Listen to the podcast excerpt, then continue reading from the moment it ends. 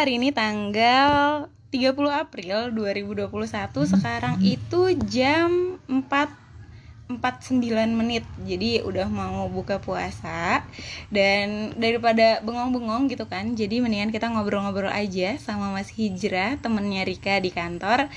Kita bakalan bahas terkait dengan sosial media. Gitu deh. Oke mbak, jadi eh, sore ini kita mau ngobrolin apa nih mbak? Eh, mau ngobrolin tentang sosial media sih ya Oke, mungkin ini juga berkaitan sama podcast kita yang kemarin. Heeh. Jadi kira-kira kita kan sama-sama punya habit tentang sosial media mbak ya. Mm-mm. Ada yang tiap hari mungkin ketergantungan, buka buka buka apa ya? Buka ya bangun tidur tuh buka sosial media gitu kan. Mm-mm. Nah, menurut mbak sendiri, mbak tipe yang seperti apa sekarang? Ketergantungankah atau masih bisa difilter atau mencoba untuk apa ya membatasi gitu? Mm. Kalau Rika sekarang sih ya, eh, ini sharing Mas Hijrah juga ya nanti ya. Oke oke. Kalau Rika sendiri em, sekarang itu sedang membatasi diri untuk tidak eh, terlalu ketergantungan dengan sosial media gitu.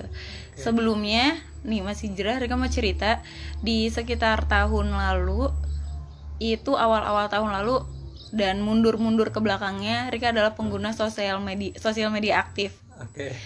jadi mau tidur ya cek sosial media bangun tidur cek sosial media padahal tuh cuma scroll aja. Iya. yang ya udah kayak ngabisin waktu banget gitu kan. Dan Rika nggak dapet apa-apa bahkan cenderung dapetnya toxic malah gitu toxic dari luar gitu. Yang di mana Rika juga nggak bisa manage pikiran Rika Iya. akhirnya tuh kayak yang eh gondok sendiri kayak Iya, gitu-gitu loh nah eh, semenjak eh, Rika dengerin podcast self improvement Rika dapet kata kunci di situ kalau eh, sosial media itu infinity pool yang gak bakalan ada habisnya Iya. di loading bakalan muncul terus gitu kan di timeline kayak gitu-gitu akhirnya oh ya Rika kayaknya udah eh, menghabiskan waktu sekian jam Hmm.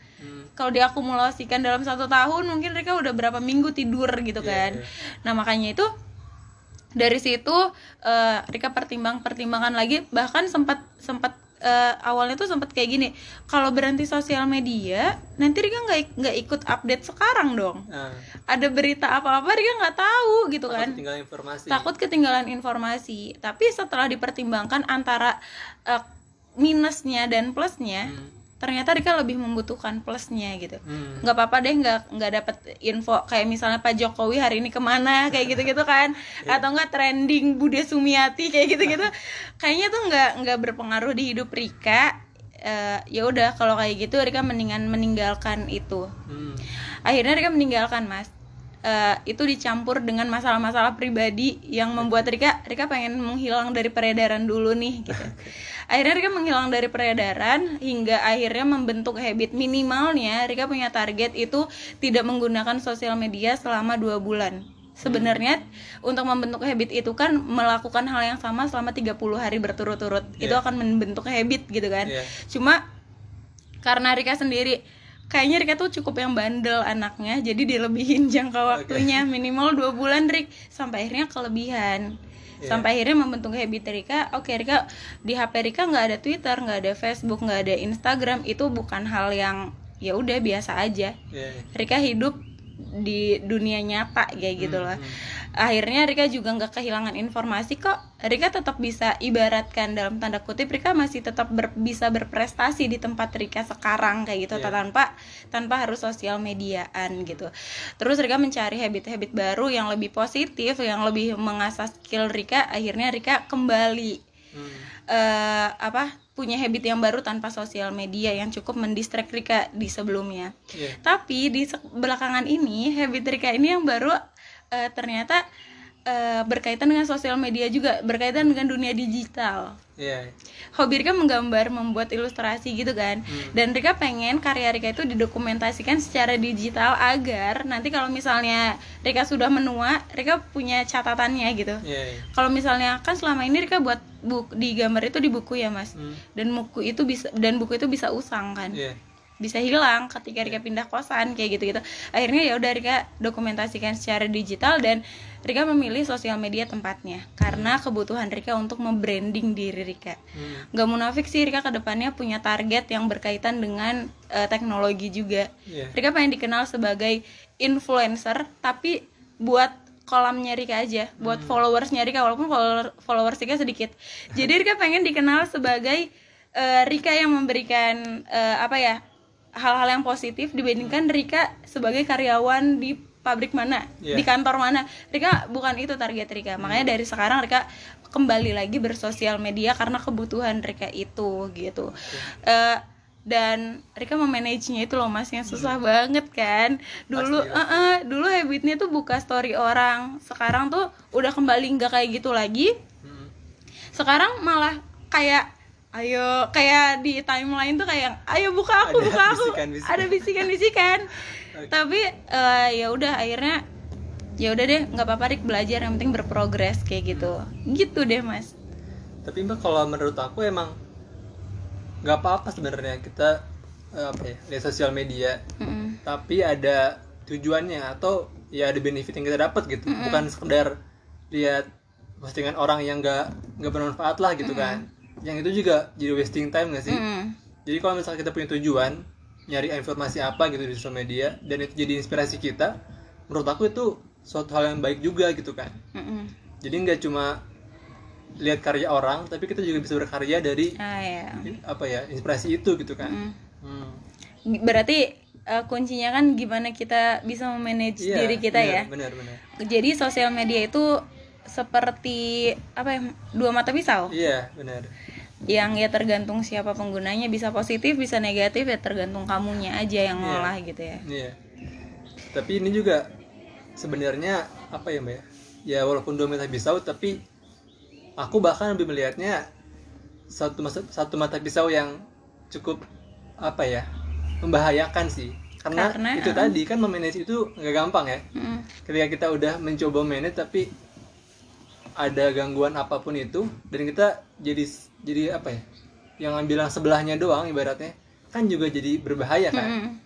jadi untuk memanage diri itu ya nggak mudah sih intinya itu Iya banget sih mas. Sekarang juga kan mereka lagi ngikutin habitnya Mas Hijrah ya, apa tuh untuk tidak melihat story orang lain, Oke. kayak gitu-gitu loh mas. Yang lo nggak tahu bakalan bakalan dapet apa nih dari Iya, ngeliat iya. story orang lain karena Rika jujur, eh Rika bukan orang yang semasa bodoh itu. Hmm. Rika orang yang kalau mungkin bisa dikategorikan orang yang overthinking gitu loh. Hmm. Jadi eh, karena Rika nggak bisa mengontrol orang lain untuk tolong kalau buat status Rika di mute aja kayak gitu gitu loh. Rika nggak bisa kan kayak gitu. Iya, iya. Oke kalau kayak gitu Rika aja yang nggak usah lihat storynya. Bahkan eh, Rika sempat kepikiran untuk menghapus semua kontak karena itu pernah Rika lakukan. oh iya Mm-mm. Jadi Rika satu pun nggak punya kontak kecuali orang tua Rika. kontak WhatsApp Kontak WhatsApp. Dan wah kamu kan kamu masuk ke sini tuh baru Rika save mas.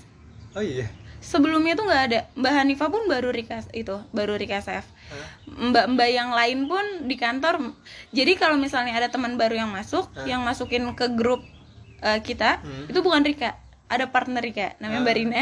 oke. Nah dia yang selalu Mbak Rina tau masukin dia. Soalnya Rika nggak punya Rika nggak mau banget save kontak Ah. orang-orang kayak Iya, gitu.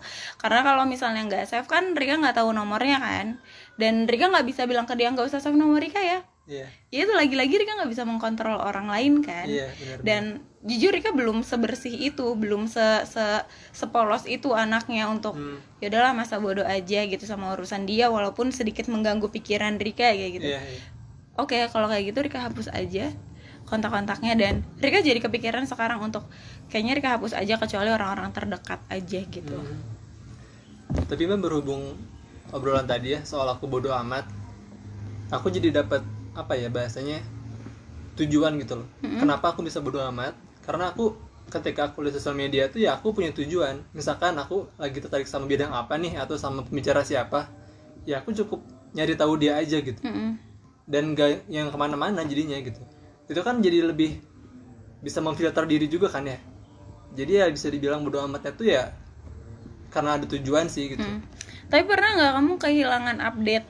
Kayak misalnya kamu lagi nongkrong sama teman-teman terus lagi kumpul-kumpul kayak gitu terus teman-teman kamu tuh bahas apa dan kamu nggak tahu gitu sebenarnya aku tipe juga yang ya udahlah gitu kalau aku nggak tahu pun ya nggak apa-apa juga nggak nyari tahu juga tapi eh, sedikit sedikit enggaknya aku pernah baca-baca sekilas sih tapi untuk lihat story orang lihat postingan orang yang sampai scroll scroll gitu aku kayaknya udah lama banget nggak pernah kayak gitu gitu mbak Mm-mm. karena ya aku merasa nggak penting juga untuk aku tahu gitu Iya. dan jadi beban pikiran kan apalagi benar. contohnya aku baru lulus ya baru beberapa bulan kemarin kalau aku lihat sosial media orang kan ada yang udah kerja di sini lah ada yang udah lulus dari tahun kapan gitu kan. Dan itu kan jadi beban ya. Jadi aku ngerasa duh aku belum lulus nih aku belum dapat kerjaan segala macem. Dan ya overthinking jadinya. Iya. dan alhamdulillah aku nggak nggak kayak gitu kan. Jadi aku lulus ya udah lulus aja gitu. Nggak terpengaruh sama orang udah kerja di mana gitu. Itu sih. Kayaknya perlu kayak gitu deh. Karena Rika suka membandingkan diri Rika dengan orang lain. itu kayaknya banyak orang gitu sih mbak Mm-mm. Jadi Kebiasaan. eh kalau Rika nggak sanggup nyetirnya, mungkin Rika udah depresi aja gitu mas. Hmm. Tapi sejauh ini Rika kayak ya udah disetir sama Rika untuk ya udah Rik eh, jadiin itu motivasi aja gitu. Hmm. nggak apa-apa. Kok dia udah nyampe segini sih, Rika belum. Iya, iya. Kayak gitu-gitu loh mas. Iya. Kalau misalnya Rika nggak bisa nyetir diri Rika, Rika bakal bakalan terpuruk nggak sih mas? Bahkan cenderung Rika bahkan kayak yang ah nggak mau lihat dia lagi deh kayak Iya, gitu-gitu. iya. Karena ngerasa tersudutkan oleh diri sendiri gitu. Tapi eh, ya alhamdulillahnya Rika kayak disetir lagi. Rik, ayo Rik balik lagi fokus ke diri sendiri aja dan itu berat banget rasanya mas. Hmm. Apalagi mm, kalau misalnya kita tuh ngebandinginnya itu sama orang yang benar-benar berharga buat kita. Iya, itu challenging banget sih. Iya, kayak dia itu dia itu berharga buat Rika dia itu eh, apa ya patut diperhitungkan. Iya. Kan kita ada yang teman biasa, Hmm. temen spesial, Iya. ya kan, temen yang eh, ya semi semi spesial kayak gitu gitu Iya, iya, kan, yang nggak sama dengan yang lain gitu. Nah, eh, eh, ketika masalah itu atau enggak problem itu munculnya dari dia, itu tuh yang pressure banget dari Rika Hmm. kalau misalnya dia yang misalnya contohnya ya dia eh, dia influencer lah tapi bukan influencer contohnya dia pernah jadi teman kelas Rika yang sekarang nggak pernah komunikasi lagi dia udah hebat Iya. ya Rika bakalan kayak oh ya udah sukses bagus deh gitu Iya. iya. Rika bakalan ke sana kok kayak gitu gitu Hmm. cuma kalau misalnya dia udah deket banget secara emosional sama Rika Iya. Rika tuh kayak terpacunya tuh lebih semangat gitu loh Iya, iya. Kayak gitu-gitu paham, sih. paham. Karena aku pun ini sih, Mbak. Eh, pernah dengar quotes yang ya sederhana sih kata-katanya kan. Mm-mm. Cuma kayaknya ini dalam banget gitu. Bahwa ya kita tuh hidup masing-masing Mm. dan kita punya jalannya masing-masing gitu. Mm-mm. Ketika kita ngelihat orang yang udah duluan maju, ya nggak apa-apa gitu. Mungkin kita belum waktunya aja. Mm-mm. Jadi jangan melihat orang maju terus kita jadi rendah diri, bahkan takutnya gitu ya. Mm-mm. terus kita jadi insecure segala macam menurut aku ya belum waktunya aja gitu Iya, ya itu bunga bakal mekar di Iya. waktunya masing-masing ya. tapi dengan catatan kita jangan juga diem-diem aja. Mm. tapi kita juga berusaha gitu kan berprogres. Karena takutnya ketika kita pikiran kayak kayak tadi gitu ya ya udah nggak apa-apa kita punya jalan masing-masing. Tapi kita jadi alasan itu dan kita nggak ngapa-ngapain ibaratnya. Kan juga jadi terpuruk ya. Apalagi ngomongin umur-umuran kita nih yang ya masih 20-an yang masih banyak banget apa ya takut akan masa depan. Iya. yang KLC ya quarter life Iya. crisis itu. Yang rawan lah bisa dibilang mikirin lulus atau belum udah kerja atau belum bahkan nikah atau belum kayak kemarin yang nikah muda itu bakal jadi pikiran yang cukup jadi beban sih buat aku. Mm-mm. kalau kita melihatnya kayak gitu lihat hidup orang terus Mas Rika mau nanya deh, Ah, kayak tadi kan bahas tentang ya kita intinya harus tetap berprogres kayak gitu gitulah ya. Cara kamu berprogres gimana? Dari hari ke harinya mungkin? Hmm. Aku melihatnya ini sih mbak. Ketika aku setiap harinya mencoba lebih baik satu persen pun, menurutku itu udah hal yang baik gitu. Jadi kalau misalkan kita sudah merasa berusaha buat lebih baik setiap, sedikit gitu ya setiap hari, itu bukan hal yang sia-sia gitu. Kamu eh, berarti evaluasi tiap hari diri kamu. Kalau untuk evaluasi masih belum. tapi aku punya planning kayak gitu cuma sedikitnya aku belajar kan aku juga udah mulai membuat habit baca buku mbak ya Iya. semenjak pandemi sih rasanya Mm-mm. dan itu aku merasa ya punya ilmu baru tiap hari gitu Mm-mm. ketika kita baca buku kan dapat insight yang baru terus kan Iya. Walaupun ya nggak semua buku yang aku baca tuh buku-buku self improvement Iya. ada ada novel juga Mm-mm. tapi rasanya ketika aku baca buku tuh dapat pemahaman yang baru aja gitu dan Mm. kita bisa melihat sesuatu yang baru dari situ gitu Mm-mm. dan itu ya sebuah kemajuan yang sedikit tapi berarti buat aku Iya. gitu Soalnya kalau Rika eh, cara Rika berprogres mungkin setiap orang beda-beda ya. iya pasti pasti Eh, Rika bener-bener receh banget sih mas. Literally Rika ngelis. eh, Rika hari ini mau tidur gitu ya. nah Rika hari ini udah ngapain ya? Kayak gitu-gitu loh mas. Kayak misalnya hari ini Rika kebanyakan bercanda sama teman-teman. hmm. Bisa jadi Rika malam ya menyesali siang tadi karena Rika kebanyakan ketawa kayak gitu-gitu loh. Itu tuh yang bener-bener Rika kayak hal-hal kecil yang Rik besok dibatasin ya. oke Kamu nggak boleh terlalu ketawa. Kamu punya spare waktu untuk ketawa dari jam segini sampai segini aja. Selebihnya kamu harus eh, lebih produktif kayak gitu-gitu loh mas. Ah, yang bikin Rika oh ya kayaknya Rika penting dan sekarang menjadi habit akhirnya. Kayaknya Rika belum Rika belum tidur nyenyak ketika Rika belum mikirin hari ini Rika apa yang harus Rika evaluasi kayak gitu-gitu loh. Mungkin orang kedengarannya lebay gitu ya. iya. Cuma Rika sendiri nyaman dan Rika lebih berprogres dengan seperti itu gitu. iya.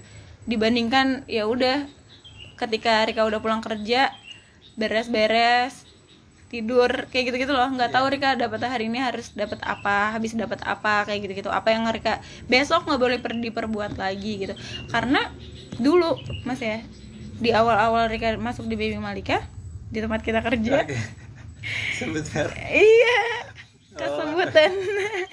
Jadi awal-awal dulu Rika tuh orang yang so kenal so dekat, so asik. Oke. Terus Rika pengennya diterima oleh semua golongan dan itu hal yang mustahil dan itu hal yang mustahil. Terus Rika masih berusaha kayak gitu loh. Eh, dan ya Rika bicaranya Rika, gaya bicaranya Rika Hmm. tetap menjadi Rika yang dulu gitu loh. Oke. Yang padahal pergaulan Rika, circle Rika dulu sama sekarang tuh udah beda. Harusnya Iya. beda dong ya. iya iya Nah Rika tetap kayak yang kayak gitulah so asik lalala. pada akhirnya Rika nggak dapat feedback yang bagus Nah, nah eh ya udah endingnya Rika kayak yang Rik rasain lo sekarang lagi dapetin hal yang nggak enak kayak gitu gitulah iya dan dari situ Rika evaluasi evaluasi eh, setiap harinya Rika besok Rika nggak boleh lagi nih ngobrol sama dia masalah yang kayak gini. Dia bukan yang kayak gitu gitu. Justru Rika dapat feedbacknya nggak yang Rika harapin kayak gitu gitu dan bener dong Rika besoknya bener-bener ngejalanin dan akhirnya sampai sekarang itu membentuk habit Rika untuk kayak misalnya sekarang lagi lagi ngobrol sama si Jira terus Rika ngobrolin tentang apa gitu? Iya. ekspresi Mas Jira menampakkan yang gak enak. Hmm. Itu Rika evaluasi nanti malamnya. Nanti malamnya Rika kayak ngobrol sama Mas Hijra nggak usah ngomongin yang ini soalnya Mas Hijra menunjukkan hal yang nggak nyaman misalnya kayak Oke, gitu. kayak gitu gitu loh Mas. Nah ini juga bisa mungkin bisa jadi tips buat yang dengerin podcast Iya, kita kan ya. iya. kayak ya nggak apa-apa kayak ibaratkan muhasabah kecil-kecilan lah sebelum tidur kayak gitu-gitu. Daripada tidak sama sekali dan besoknya bingung untuk maksudnya ya jadi manusia berprogres lah yuk. Sedikit nggak apa-apa Kayak gitu. Iya. Bahkan aku ngelihatnya mbak, ketika tadi kan mbak, mungkin bisa dibilangnya kalau sekarang ini ya, nulis jurnal ya, Mm-mm. jurnal harian beratnya. Ya itu tuh, tuh eh, bagusnya tuh ketika kita besok hari, paling kita udah punya hal apa nih yang harus kita perbaiki, hal apa yang harus kita tingkatin lagi. Jadi nggak yang ya udah tiap hari jalan let, it flow doang gitu kan. Mm-mm. Dan takutnya ketika kayak gitu tuh kita nggak punya tujuan yang jelas. Iya. Dan ini sebenarnya berhubungan sama purpose kita hidup sih mbak? Mm-mm. yang kita tuh harus punya itu harusnya Iya. yang jadi kita pe- pedoman hidup tuh mau ngapain besok mau ngapain tuh harusnya udah punya gitu kan Tapi lucunya Rika eh, apa ya dengan Rika bercerita, misalnya Rika nulis di blog, eh Iya. progres Rika sekarang meskipun kadang nggak dipublish gitu ya, Iya. karena ada nama-nama orang yang Rika tulis gitu. Oke. Nah, mm, Rika senang lucunya, Rika buka apa ya? Rika senang ngelihat Rika yang sudah terekap gitu loh mas. hmm. Gimana ya? ya Jadi kayak- kita melihat kita yang dulu tuh belum seperti sekarang Mm, nah itu menurut Rika ketika Rika bacanya sekarang kayak ih lucu banget sih lo Rik dulu sereceh ini kayak gitu gitu loh Iya. mas yang itu tuh buat Rika jadi energi positif Rika untuk besok kayak gitu lagi ya hari Yes. ini Rika ngerasa sudah benar Hmm. Bahkan ada masalah kan namanya quarter life crisis itu akan selalu terjadi kayak Iya, gitu loh. iya. nanti suatu saat lagi suatu saat nanti Rika lebih dewasa Rika akan menertawakan masalah Rika di hari ini. Iya paham. receh banget kayak gitu-gitu. Makanya eh Rika senang banget. Rika sebenarnya punya progres eh, punya target untuk merekam aktivitas Rika di hari-hari. Itu udah lama banget mas tapi nggak pernah terrealisasikan sama sepertinya Rika. Buat podcast Rika itu dari tahun 2018an kayaknya. Udah niat pengen buat podcast. Oke. tapi baru terrealisasikan di 2020-an kayak gitu-gitu kan. Nah ini kayak niat Rika sekarang juga kayak pengen buat mini vlog kayak gitu-gitu. Oke.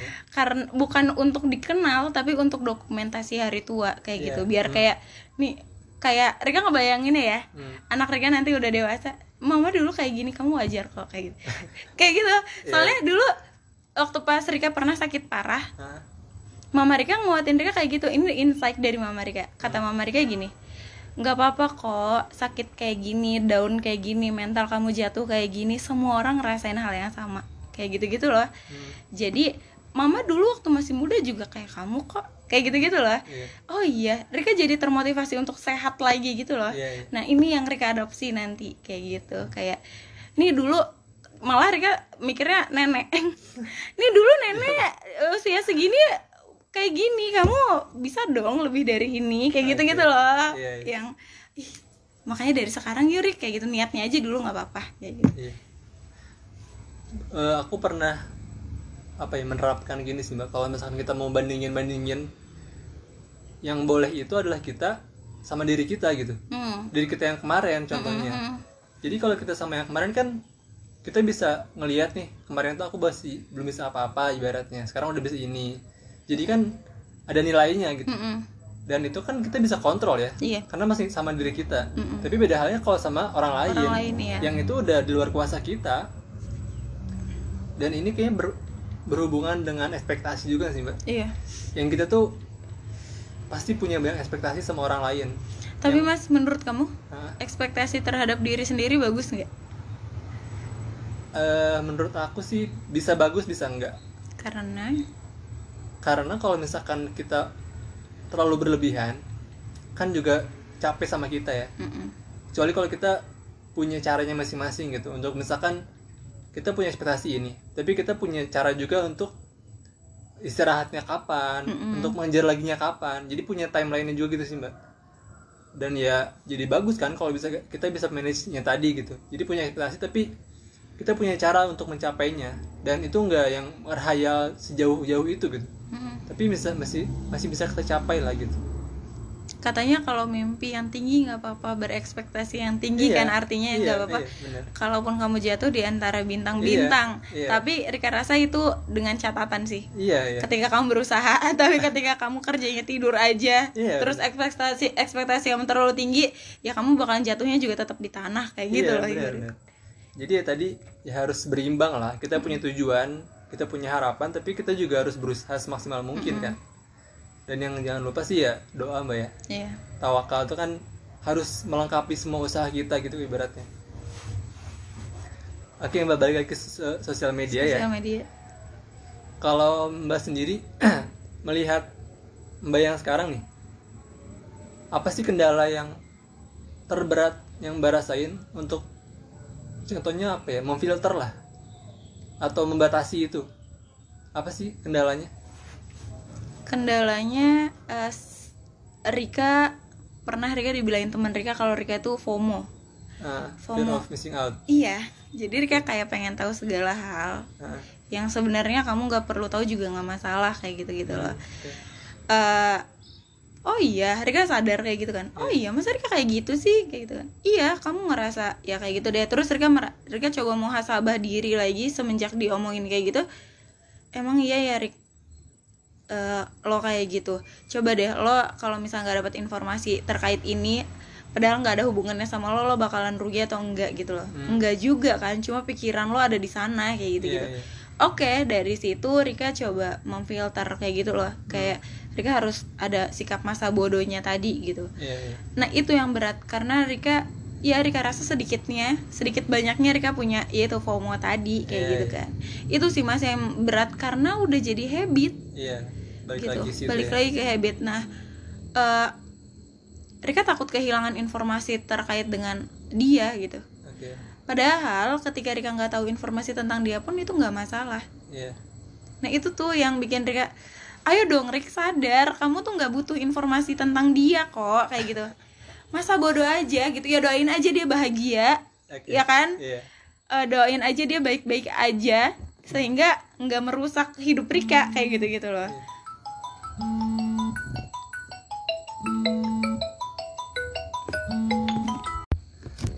mbak, tadi ada sedikit iklan dulu bentar. iya nggak apa-apa Jadi kita kan udah sampai apa ya memilih. Kalau misalkan kita mau apa ya membatasi sosial media gitu mbak. Kendala mbak tadi kan oh iya ada omongan orang yang mungkin membuat mbak jadi mbak jadi berpikir lagi kan. Apakah benar bisa gitu atau ya berat juga kan. Nah tapi kan mbak udah berusaha ya. Dan bahkan mbak udah pernah berapa? Dua bulan tadi kan. empat bulan kalau Empat di bulan.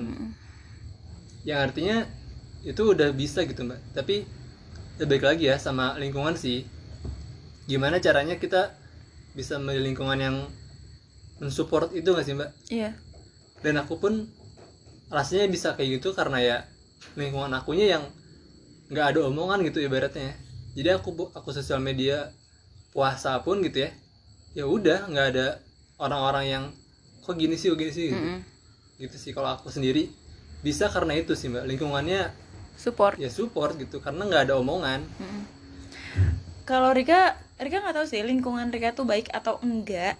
Cuma eh, Rika juga tipikal orang yang individualis gitu loh mas. Ah. Rika nggak di real life Rika tuh kayak yang ya udah terserah dia mau jungkir balik kayak gimana pun ya terserah kayak gitu gitu loh. Eh, dan Rika nggak pernah ngomongin sosial media di teman-teman Rika yang sekarang tuh kan banyaknya hidup Rika dihabiskan di kantor ya. Iya. Rika nggak pernah membicarakan sosial media karena circle sosial media Rika dan kamu di kantor itu beda kayak gitu. Iya, iya.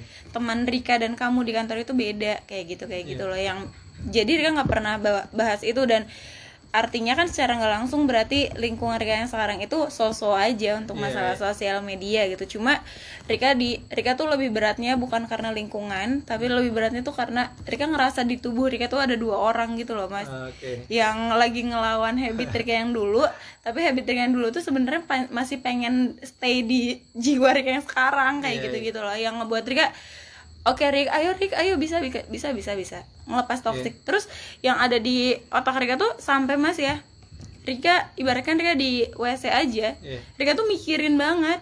Yang akhirnya Rika tuh kayak yang mm, oke deh Rik saking pusingnya pernah di satu momen di toilet Rika. Oke. sampai satu momen Rika mikir kayak udah gondok sama pikiran Rika sendiri kayak gitu-gitu sama sosial media ini. Nah, eh akhirnya Rika punya pertanyaan yang memukul Rika. Jadi lo tuh hidup mau bahagia atau enggak? Kayak gitu doang pertanyaannya. Terus Rika jawab Rika mau bahagia kayak gitu. Hmm. ya udah kalau gitu dari sekarang stop untuk eh, bersosial media eh, bukan karena bukan salah sosial medianya tapi salah lo nya yang nggak bisa ngontrol. Iya. jadi stop untuk bersosial media. Hmm, kalau perlu dia kalau misal mau tetap sosial media karena ada kebutuhan contohnya yang tadi Rika butuh merebranding diri Rika Iya. dia mute aja Hmm. kayak gitu Eh, cuma kacaunya ketika Rika mute dia Iya. Rika buat story nih di Instagram misalnya Iya. dia muncul dong di yang paling teratas gitu loh yang view Rika yang itu sekarang Rika lagi tahap eh apa gue blok aja ya kayak gitu gitu loh tapi eh Rika di sisi lain masih memikirkan untuk masih menghargai teman Rika yang masih ingin berteman dengan Rika gitu loh. Oke. karena Rika masih menghargai dia jadi ya udah Rika aja yang nggak perlu sosial media nggak perlu update updatean lagi kayak gitu. Kalaupun iya ya udah seala kadarnya sebutuhnya kamu dan boleh kamu kembali ketika mental kamu udah sehat lagi kok kayak gitu. Oke. kayak gitu sih mas. Lebih ke manage diri sih Rika. Iya, iya. kalau lingkungan sih udah support aja gitu. Apalagi ketemu teman-teman. Sekarang Rika punya teman baru circle baru yang positif di kantor. Oke. jadi ya udah alhamdulillahnya dengan kedatangan mereka hmm, Rika capek dengan capek yang bermanfaat. Oke. Kayak gitu. Berarti mungkin aku juga bisa saranin gini sih mbak. Kayak aku tadi bilang ya. Jadi kalau misalkan kita pengen sosial media ya kita ada tujuannya gitu. Buat apa? Bukan hanya sekedar scroll scroll lihat postingan orang. Iya. yang itu kan informasi yang kita nggak bisa filter kan? Mm-mm. jadi kalau aku saranin sih coba itu sih mbak. Kalau kita pengen mau buka sosial media kita punya tujuan nih mau ngapain gitu.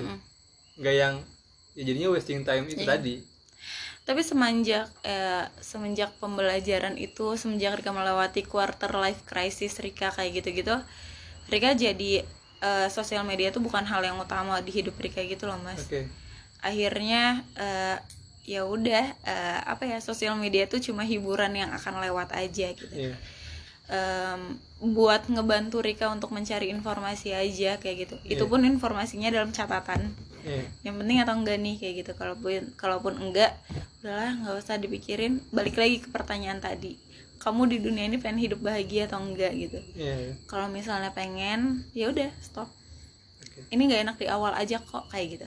Pasti. Dan Rika ngerasa yang yang yang apa ya yang ngalamin ini mungkin gak cuma Rika Hmm. teman-teman Rika juga mungkin banyak cuma Rika nggak sharing ke dia dan mungkin lewat podcast ini Rika bisa sharing dan cara Rika ternyata works diri kan nih kayak gini iya iya barangkali bisa diado- diadopsi sama teman-teman atau enggak ya pendengar kita yang sekarang Iya. meskipun nggak tahu ya ada yang denger atau enggak Iya. dari statistiknya sih ada ya yang ngedenger kayak gitu ya mungkin pesannya ini buat banyak kaum milenial nggak sih mbak Iya. yang rata-rata kan udah menghabiskan waktu di sosial media gitu ya se- sejak sekarang gitu. Mm-mm. dan mungkin mereka juga ada yang kesusahan sama Iya. kayak mbak itu yang mbak alami gitu. Jadi misalkan aku bisa aku simpulin ya karena kita juga udah mau bentar maghrib. lagi maghrib. Mm-mm. jadi sosial media itu ya tadi ya seperti dua mata- mata pisau ada positif dan negatif. Tapi kita kita harus bisa manage itu dan kalau kita nggak bisa manage ya kita kebawa negatifnya Mm-mm. dan semoga sih kita berdua dan teman-teman yang dengerin ini bisa coba belajar juga Mm-mm. untuk manage diri sendiri entah itu filter sosial media ataupun ya untuk di kehidupannya masing-masing gitu kan entah itu baik atau buruknya bisa difilter Ya, karena apa yang kamu lakukan hari ini tuh invest buat masa depan iya sih bener sebenarnya. banget bener banget Gitu. Oke mbak Dika terima kasih banyak buat buat Makasih sore juga ini Mas Hijrah. sharing-sharing yang semoga ada ilmu yang bisa dipetik Oke. dan juga setiap kawasan baru Iya. kita tutup ya Mbak ya Ya. dan selamat berbuka puasa untuk Selamat yang berbuka menjalankan puasa. Bye. Assalamualaikum warahmatullahi wabarakatuh.